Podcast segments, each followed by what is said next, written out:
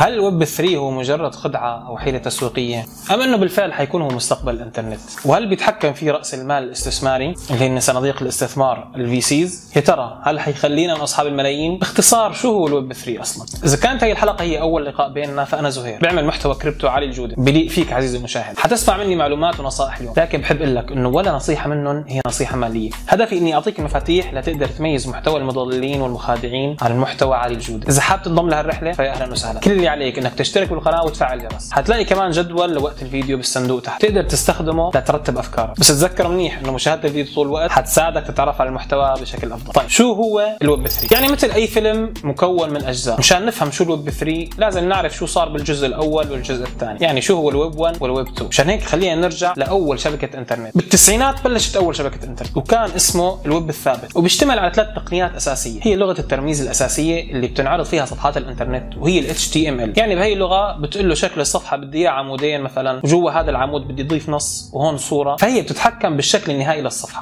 وعندنا كان في شيء اسمه ال URL أو ال unique resource locator اللي نحن بنسميه هلأ الرابط. وشغلته إنه كل صفحة لها رابط وأنت من خلال هذا الرابط بتقدر تعرض الصفحة أو تنادي الصفحة. وآخر شيء في عندنا ال HTTP اللي هو ال hypertext transfer protocol وهو البروتوكول اللي من خلاله بتنادي الصفحات الموجودة على شبكة الإنترنت. وبما إنه كان هو إنترنت ثابت فكان بالفعل صعب الاستخدام. وما كان لسه لا في لا خوارزميات ولا شيء. يعني مثل كأنك عم تتخيل إنه بتفوت على صفحة هي مثل كرت البروشور. في معلومات قدامك بتقراه وبتسكر. وما في أي نوع من أنواع التفاعل. وكان الإنترنت عبارة عن بريد إلكتروني أو موقع إخباري. لكن كان الموضوع عبارة عن إنترنت من طرف واحد فقط. يعني أنت ما بتقدر تعمل غير شيء واحد إنك تقرأ بس. اللي بيعمل المحتوى هي الشركة اللي عاملة استضافه للموقع وما كان يقدر المستخدمين إنه يتفاعلوا مع صفحات الويب هاي. وما كان لا في لا تطبيقات ولا شيء. بس كان الإنترنت وللقراءه فقط. يعني باختصار و read only بعدين بال 2015 تطور الإنترنت. وهون بتقدر تقول إنه هو الويب 2 كان في نقلة نوعية في كيف نستخدم مواقع الإنترنت هي. وهذا الشيء بفضل تطور تقنيات الويب. يعني بالإضافة ل HTML صار في عندنا JavaScript و CSS و HTML5 خلت من مواقع الويب أكثر تفاعلية. وطلعت منصات الويب اللي بتسمح للمستخدم إنه يعمل المحتوى الخاص فيه. وهذا عمل طفرة بعالم التدوين سواء كان التدوين المكتوب أو تدوين المرئي إذا كان مواقع الويب واحد هي القراءة فقط فبنقدر نعتبر الويب 2 هو مثابة قراءة وكتابة. read and write يعني كان تواجد مستخدمين شيء أساسي بالمواقع الإلكترونية. واحيانا كانوا بيسموه الويب الاجتماعي. واللي ساعد بإزدهاره هو ظهور ابتكارات تكنولوجية مثل مثلا تطبيقات التليفون. الشركات اللي تمكنت من الازدهار في بيئة الويب 2 شيء هي شركات من أمثال فيسبوك اللي صار اسمها ميتا وجوجل يوتيوب وتويتر و PayPal وكثير من هي الشركات. هي الشركات عملت تريليونات من الدولارات عن طريق الاستفادة من بيانات المستخدمين لمليارات الأشخاص حول العالم. هدول الشركات بالفعل غيروا طريقة الناس كيف تعيش حياتها من طريقة طلب الأكل للدفع على الإنترنت لحتى كيف نتواصل مع بعضنا. صار تواصلنا على الإنترنت بشكل جزء أساسي حتى من الأعراف والتقاليد. إنك أنت تروح تبارك لعرس أو تعزي بوفاه فقط من خلال منصات التواصل الاجتماعي. لكن أهم شيء امتلكته هي الشركات هي انك تتحكم كليا بهي المنصات. يعني أنت مجرد مستخدم فقط. يعني ممكن يقفلوا حسابك ويحظروك بكل بساطة. لأنه هي المنصة تبعهم. وهون بيجي دور الويب 3 فالويب 3 هو الجيل القادم من الانترنت اللي الناس بتتصوره إنه يكون لا مركزي وما في حدا بيتحكم فيه. هو الجيل المبني على البروتوكولات اللامركزية. بحيث مو بس أنت كمستخدم تعمل محتوى لكن أنت أيضا صرت جزء من إدارة الإنترنت نفسه. صار المستخدمين عندهم القدرة إنه يمتلكوا جزء من الشبكة. يعني ممكن نختصرها انه هو قراءة وكتابه وامتلاك read write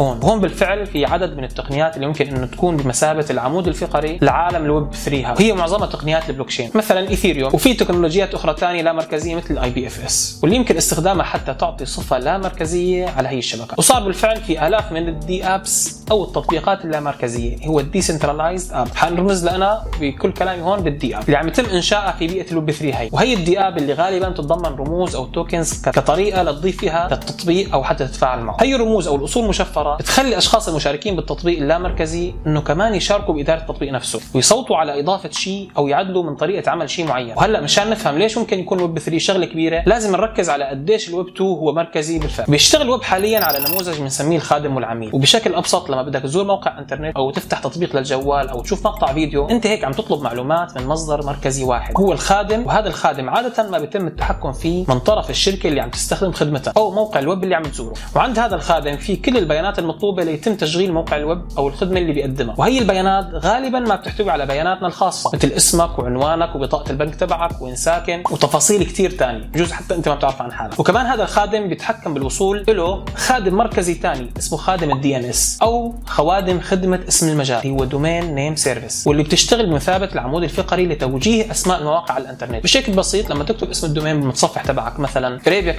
كلاودز.com فالمتصفح بيبعت هذا الطلب لخادم DNS هذا الخادم حيرد على كمبيوترك بيحكي لك تفضل هي عنوان الخادم اللي المفروض تروح تتصفح موقعه. وعادة ما بيتم التحكم بخوادم DNS هي عن طريق مجموعة مركزية من الشركات مثل جوجل و Cloudflare وشركات ثانية معنى الكلام إنه الإنترنت مركزي بطبيعته. بيتم التحكم بكل شيء بتسويه على الإنترنت عن طريق هدول اللي بيتحكموا بهي الخدمات. بما إنه عم نحكي إنه في مركزية فدائما مع المركزية بيجي شيء اسمه نقطة فشل مركزية اللي هي ال single point of failure يعني انهيارها هو انهيار كل شيء بعدها. فالوقت اللي بوقف فيه خادم مركزي ما حد حيقدر يعمل شيء. حتكون الحياة شلل تام وإذا أخذنا بعين الاعتبار إنه الخوادم المركزية عم تحتوي على معلومات وبيانات المستخدمين فهذا بيفتح شهية المخترقين لأنه عملية الاختراق والحصول على هي المعلومات هي أكيد عملية مربحة. وسرقة البيانات هي جريمة كبيرة بدوائر الجرائم الإلكترونية. مشان هيك لما تخزن بياناتك الشخصية مع شركة مثل أمازون لازم تتأكد إنها تحافظ على بياناتك إنها تكون آمنة. كمان في عندنا مخاطر إنه تتعرض البيانات اللي بيتم إرسالها لأجهزتك إنها تكون بيانات فيها برمجيات خبيثة. إذا سمعت من قبل عن شيء اسمه اختراق السلسلة توريد البرامج.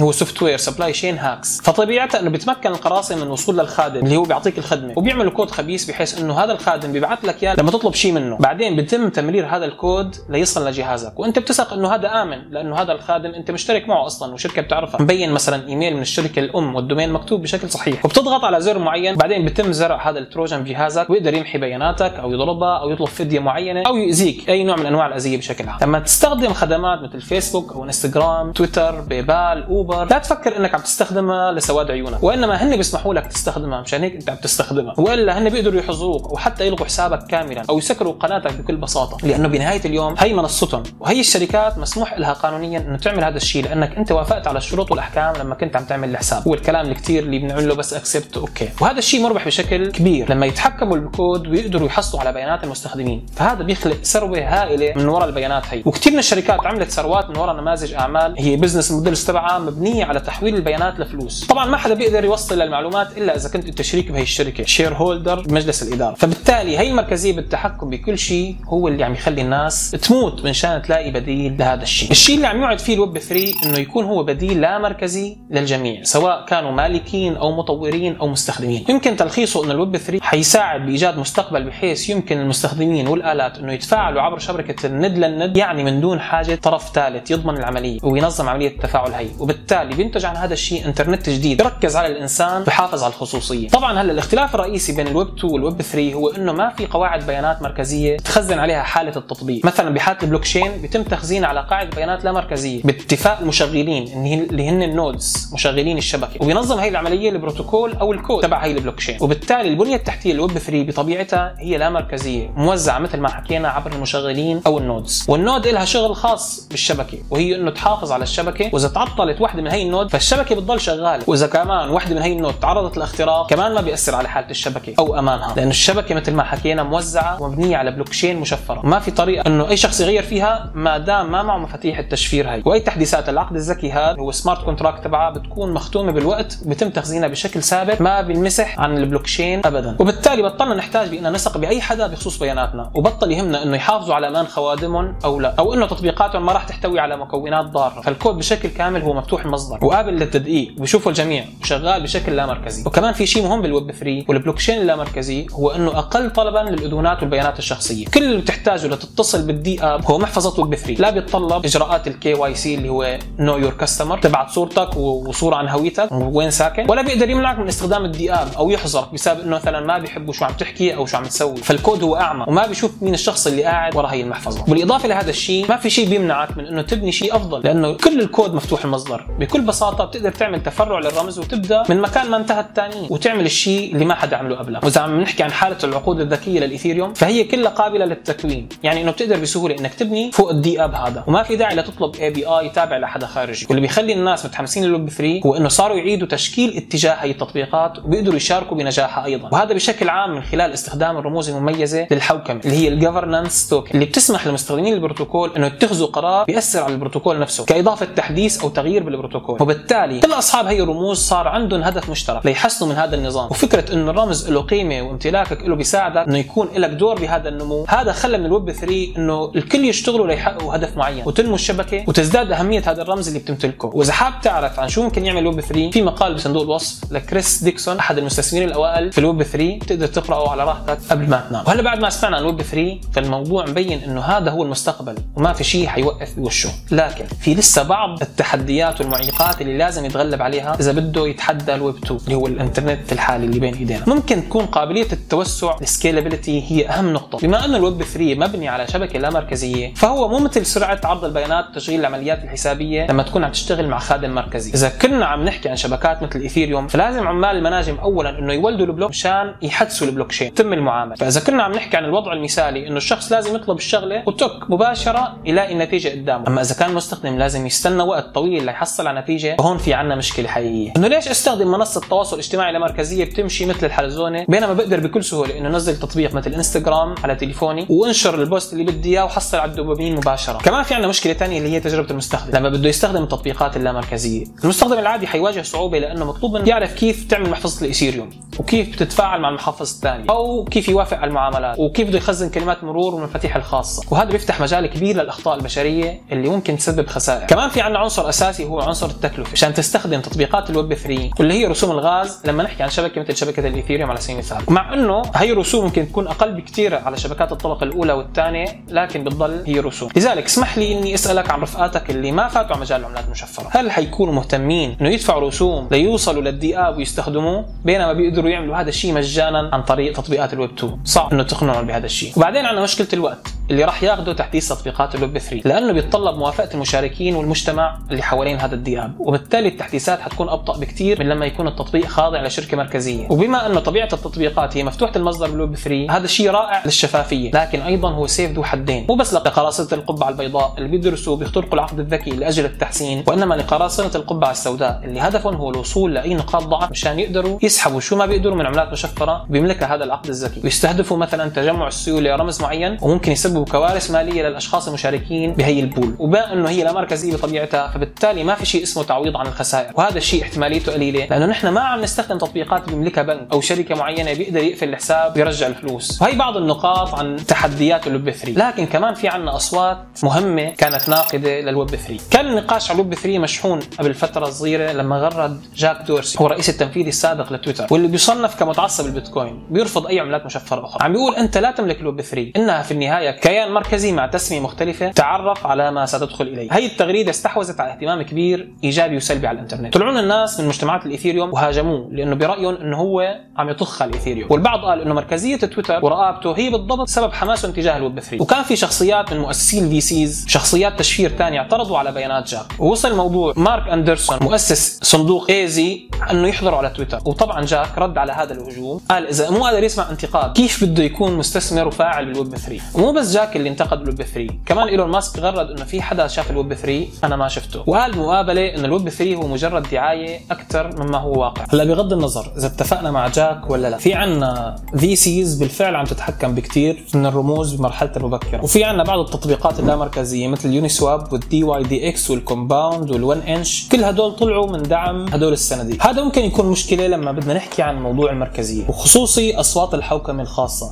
إذا كانت هي الرموز عم تستخدم بالتصويت بطريقة مختلفة عن المستخدمين العاديين. وهذا الشيء صار بالماضي إنه بيكون في سيطرة مركزية على رموز الحوكمة اللي هن الرموز اللي لهم علاقة بالتصويت بالتحديثات اللي بدها تصير على البروتوكول. وهي مشكلة بالحالتين سواء كان وراهم صناديق رأس مال أو حتى أفراد عاديين اللي هن المطورين أو فريق التطوير بحد ذاته. وبالتالي هدول عندهم تأثير أكبر وهذا بيتعارض مع مبادئ المجتمع المشارك بهذا المشروع وهي مبادئ اللامركزية. النقطة الأساسية هو إنه الويب 3 لسه بيعتمد على كثير من البنيه التحتية المركزية للويب ليشتغل لما تكتب عنوان URL بالمتصفح تبعك لازم إنك تتصل بخادم ال DNS مشان تعرف مكان استضافة واجهة ال Uniswap مثلا. فالواجهة الأمامية مثلا لما تفوت أنت موقع ال Uniswap عم يتم استضافتها على خادم مركزي موجود مثلا على سيرفر من أمازون. أكيد ال smart contract العقود الذكية الأساسية نفسها مو مركزية لكن بدون الواجهة الأمامية حتلاقي معظم الأشخاص عندهم صعوبة كبيرة بالاستخدام ال Uniswap وهذا هو الحال مع كل تطبيقات الويب 3 اللامركزيه وصار الموضوع لما بعض خدمات أمازون وقفت واللي هي خدمة استضافه مركزية. وقفت هي المواقع اللامركزيه لأنه مثل ما حكينا الواجهات الأمامية مستضافة على سيرفرات مثل أمازون. وبالتالي ما حدا قدر يعمل أي شيء مثل إنك تتداول لأنه ما بتقدر توصل لل DApp والموضوع مو بس مرتبط بالتكنولوجيا. بعض الأحيان بيقدر المطورين إنه يعملوا إجراءات بناء على بعض الضغوط الخارجية بالدول اللي بيعيشوا فيها. مثلا Uniswap نفسها بالسنة الماضية قامت مجموعة من العملات اللي بتتبع أسعار الأسهم ومنعتهم من إنه يتداولوا من خلال منصة ال Uniswap من خلال تعديل على الواجهة الأمامية مو تعديل على البلوكشين أو العقد الذكي. وهذا الشيء من شان يتجنبوا أي عقوبة من هيئة الأوراق المالية ال SEC اللي هي المسؤولة عن أسواق الأسهم. ومع إنه هي خطوة ممكن نصفها بإنه خطوة حكيمة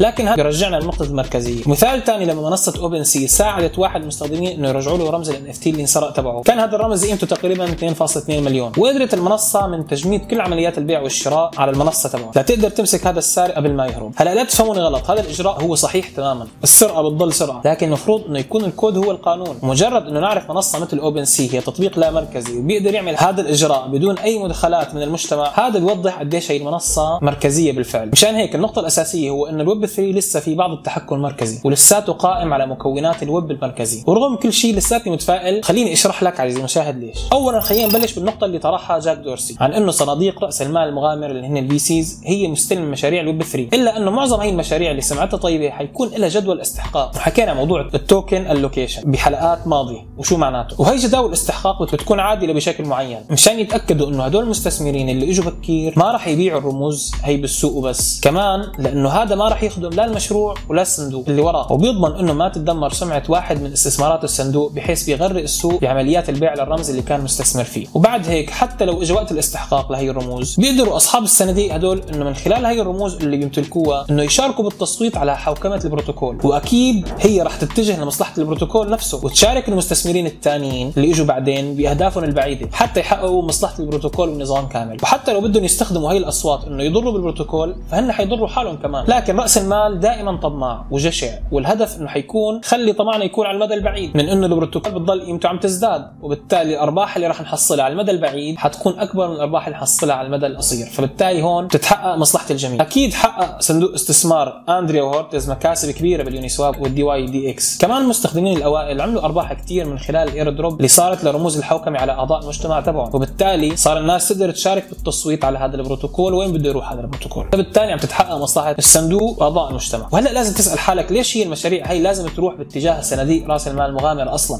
الجواب بكل بساطة إنه في عندك قوانين الأوراق المالية من شان تحمي مستثمري التجزئة اللي هن الناس العاديين. وبالتالي ممنوع عليك أنت كصاحب مشروع إنك تجمع أموال أو تمويل من مستثمرين غير معتمدين اللي هن أشخاص مثلي ومثلك عزيزي المشاهد. وإذا عملوا هذا الشيء فهن حيكونوا معرضين لخطر ارتكاب جريمة قانونية. فليش ليخاطروا بمشروع إذا كانوا بيقدروا يتخلصوا من كل وجع الرأس ويعبوا جيبتهم بجوله التمويل الأولية من فلوس أصحاب صناديق رأس المال المغامر. مشان هيك ما بعتقد إنه مشكلة أموال ال V Cs هي مشكلة كبيرة. أكيد هن حققوا مصلحتهم انه فاتوا على المشروع بوقت مبكر وأخذوا سعر أفضل بكثير لكن أكيد هدول الصناديق بطونهم كبيرة وما بتشبع إذا المشروع ما قدر يعمل أضعاف مضاعفه من الأموال اللي حطوها. وهذا راح ينعكس أكيد على المستثمرين الأوائل والمستثمرين اللي إجوا بعدهم اللي هن مثلي ومثلك عزيزي المشاهد. وهلأ لما نحكي عن مشكلة المركزية هي الأمور هي أصلا معروفة في مجتمعات الويب 3 وفي مشاريع عم تصير لتحل هي المشاكل. على سبيل المثال في عندنا حالة مثلا إنك توصل تعمل access للمعلومات الموجوده على البلوك تشين مثلا في عندنا مشروع ال Graph هو عبارة عن بروتوكول بيعمل فهرسه ليبحث عن البيانات من إيثيريوم وال IPFS يعني ممكن تشبيهه بجوجل ال blockchains بيتم استخدامه بأكثر من تطبيق من تطبيقات الويب 3 وهون بدي أنقل الكلام عن فيتاليك إنه قال إنه في نقطة مفقودة لما نحكي عن تطبيقات الويب 3 إنه بتحتاج تكنولوجيا مركزية مشان تشتغل. مثل ما حكينا إنه الواجهات الأسهل للمستخدمين بتكون على سيرفرات مثل سيرفرات أمازون. وهذا بيساعد إنه بيزيد من سهولة الاستخدام. وبالتالي بيزيد التبني الواسع لهي التكنولوجيا. لكن مثل ما عم يقول فيتاليك إنه الجزء